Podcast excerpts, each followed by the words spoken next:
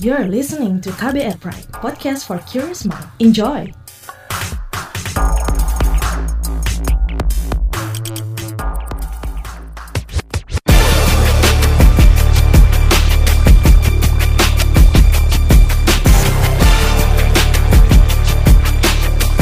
Cek fakta, cek fakta, cek fakta. Beredar informasi di Twitter yang mengklaim bahwa pesawat yang mengeluarkan asap dapat berbahaya bagi tubuh manusia. Dalam video yang dibagikan pada tweet tersebut disebutkan asap yang keluar merupakan proses chemtrail yang menyebarkan penyakit seperti influenza, mata perih, gangguan paru-paru, hingga demam beberapa hari yang tidak diketahui sebabnya. Bagaimana penelusurannya?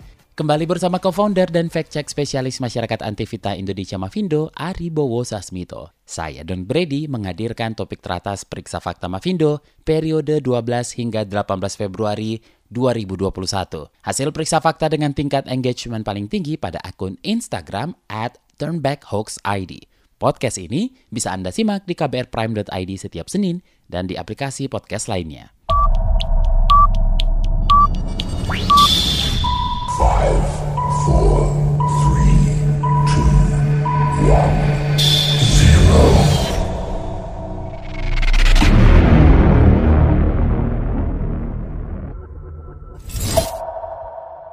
Number 5 Di posisi kelima video soal game Omicron sejak tahun 1999.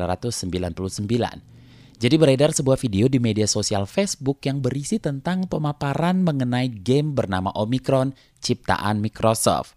Nah, di dalam video ini dijelaskan bahwa Bill Gates sebagai pemilik Microsoft telah menciptakan serta merilis game ini pada tahun 1999. Sepertinya ini HLBK ya mas ya, hoax lama bersemi kembali. Kenapa ini bisa masuk eh, posisi top 5 lagi nih?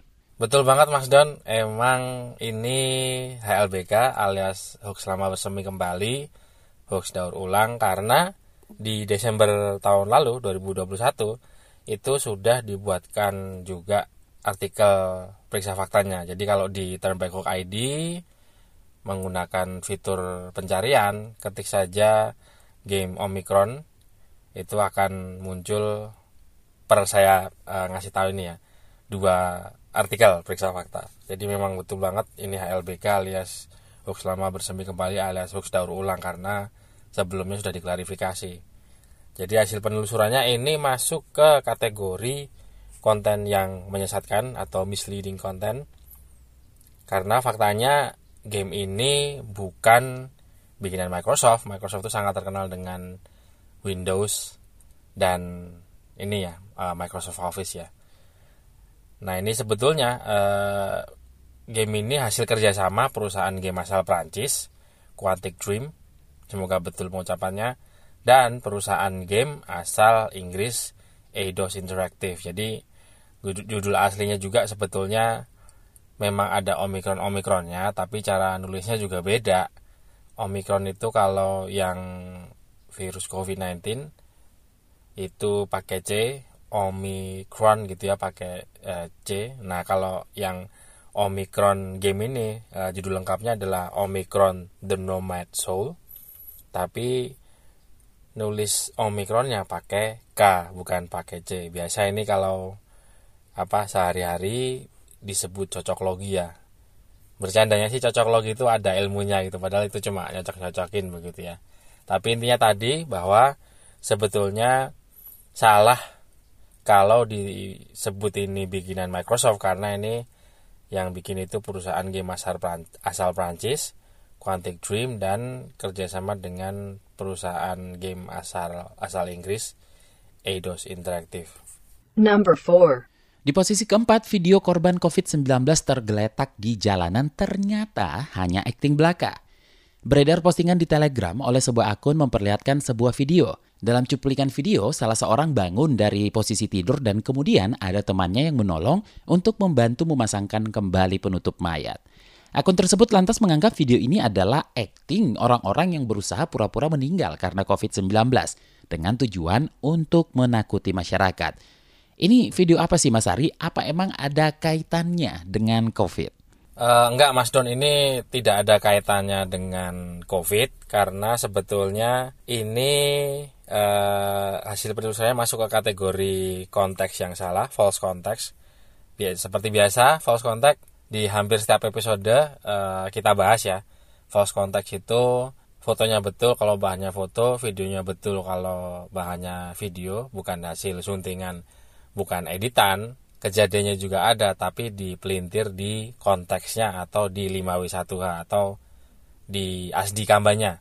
Apa siapa di mana kapan mengapa bagaimana. Jadi masih ada yang cukup susah untuk membedakan bahwa ini hoax atau fakta, hoax atau bukan karena beranggapan bahwa kan videonya asli kalau bahannya video, kan fotonya asli kalau bahannya foto dan kejadiannya udah bener loh dibilang begitu. Padahal ya memang betul kejadiannya ada tapi dipelintir di konteksnya di asli kampanye itu. Jadi kalau dalam hal ini dipelintir di apanya karena sebetulnya aslinya sih sekilas kelihatan loh ini tapi memang salah satu masalahnya adalah ini di fotonya itu tidak menggunakan bahasa Inggris e, kalau tidak salah ini bahasa Jerman ya dari channel OE24 di situ tertulis win demo gegen atau gegen klima politik. Semoga betul pengucapannya karena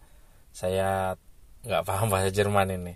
Jadi kalau diartikan Vienna, demo menentang kebijakan perubahan iklim. Nah, ini sebetulnya adalah aksi penyampaian pendapat atau demonstrasi menentang kebijakan perubahan iklim begitu Mas Don. Jadi ya memang bukan mayat tapi bukan berarti terus mau menakut-nakuti masyarakat juga karena mereka demo itu untuk perubahan iklim yang sama sekali nggak ada hubungannya dengan COVID-19 begitu. Hati-hati dengan pelintiran konteks ya karena ya itu masih ada saja yang e, masalahnya adalah 5W1 atau ASDI Kamba itu dasar begitu ya bahwa kalau kita menerima informasi ya dicek dulu 5W1H atau ASDI kampanye gitu masalahnya ya tadi masih ada saja orang-orang yang kegocek ketipu gara-gara bahannya memang sekilas betul padahal ya bahannya memang betul tapi dipelintir di narasi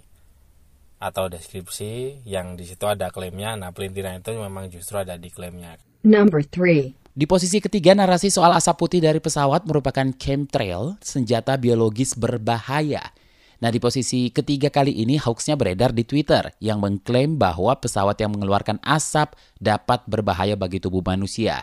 Dalam video yang dibagikan pada tweet tersebut disebutkan asap yang keluar merupakan proses chemtrail yang menyebarkan penyakit seperti influenza, mata perih, gangguan paru-paru, hingga demam beberapa hari yang tidak diketahui sebabnya.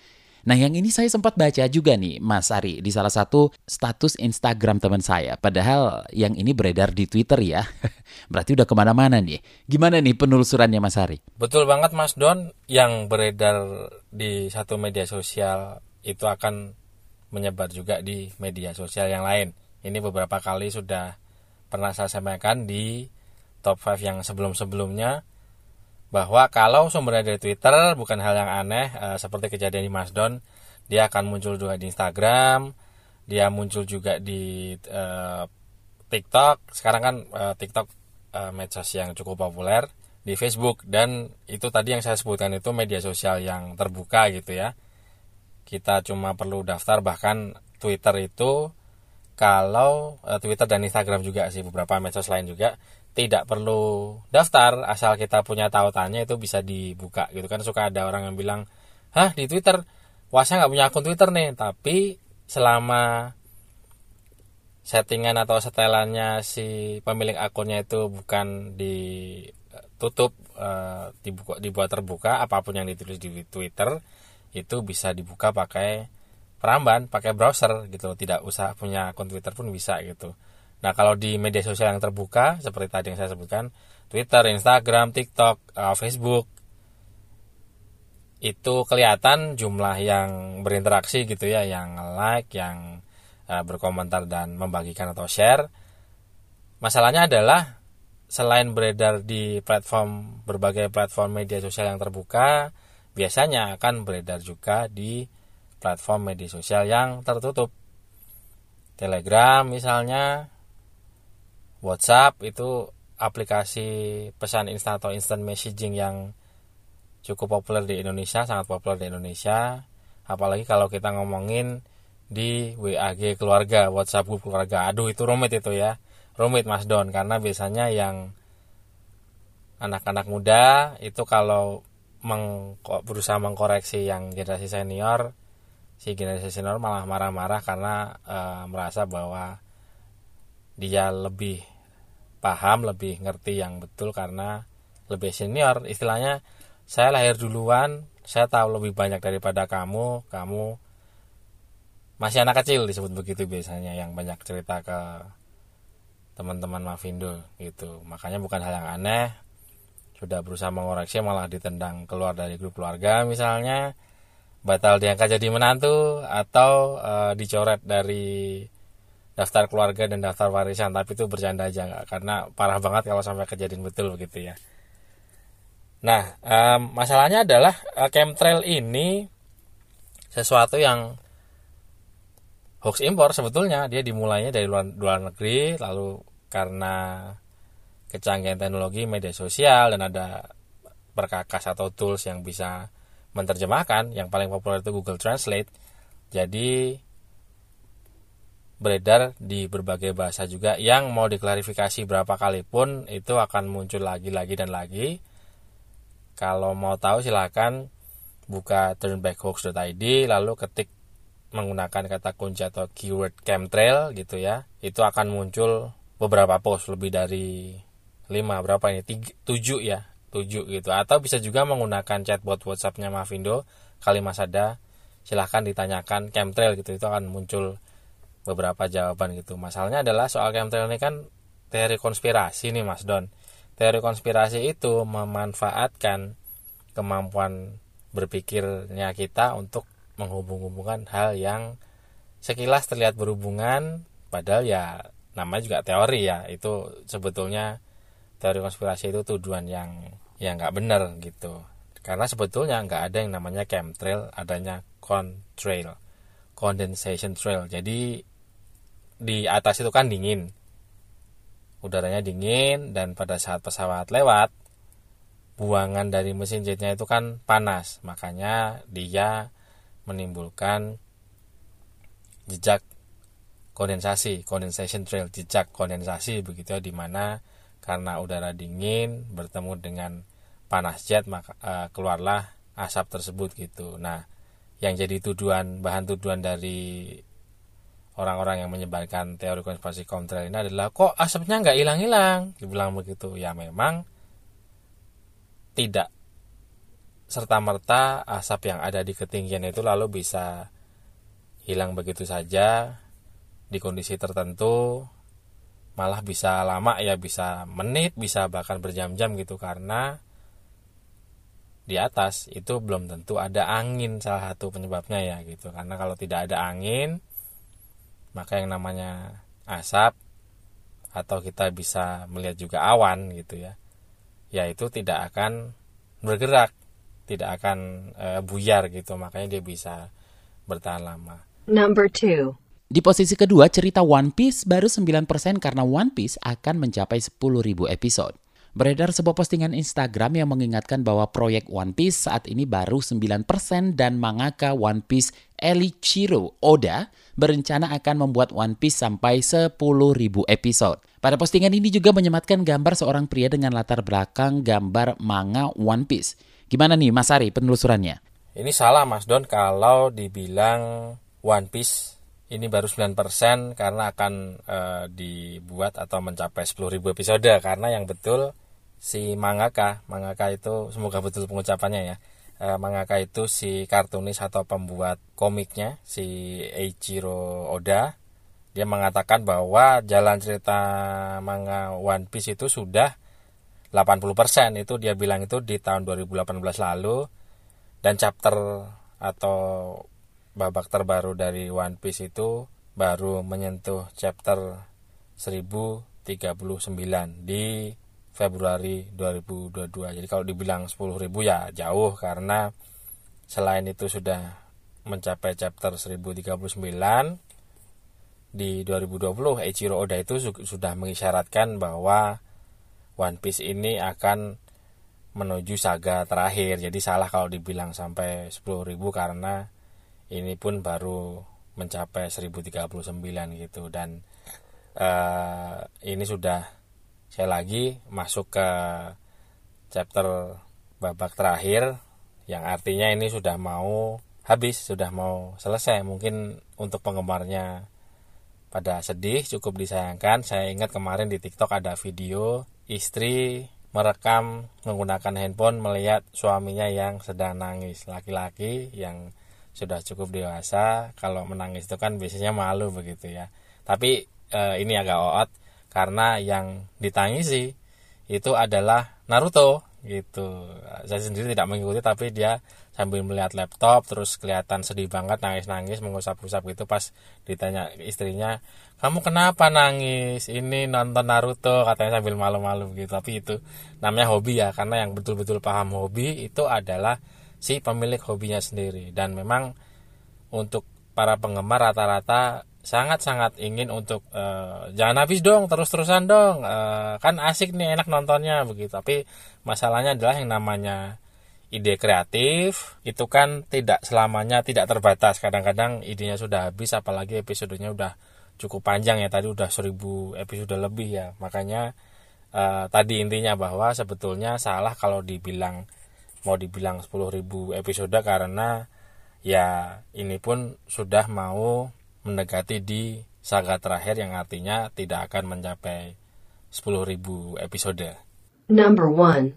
Di posisi pertama, foto barbershop dengan tukang cukur wanita di Jalan Pratu Rai Madra, Kabupaten Badung, Bali. Jadi ada sebuah akun Facebook mengunggah beberapa foto yang memperlihatkan kondisi di sebuah barbershop atau pangkas rambut yang tukang cukurnya wanita dan diklaim berlokasi di Jalan Pratu Rai Madra, Kabupaten Bali apa yang salah dengan tukang cukur wanita di barbershop ini Mas Ari? Kenapa bisa uh, sampai di posisi pertama nih? Yang salah ini nih Mas Don. Kalau beginian nih biasanya komentarnya memang banyak. ya biasa, komentarnya banyak padahal belum tentu berhubungan dengan artikel periksa faktanya, belum tentu berhubungan dengan hal yang sedang dibicarakan tapi uh, komentarnya soal hal lain gitu. Tapi hasil penelusurannya ini sebetulnya masuk ke kategori konteks yang salah atau false context gitu ya. Karena berdasarkan asdi kamba apa siapa di mana kapan mengapa bagaimana ini masuknya ke di mananya.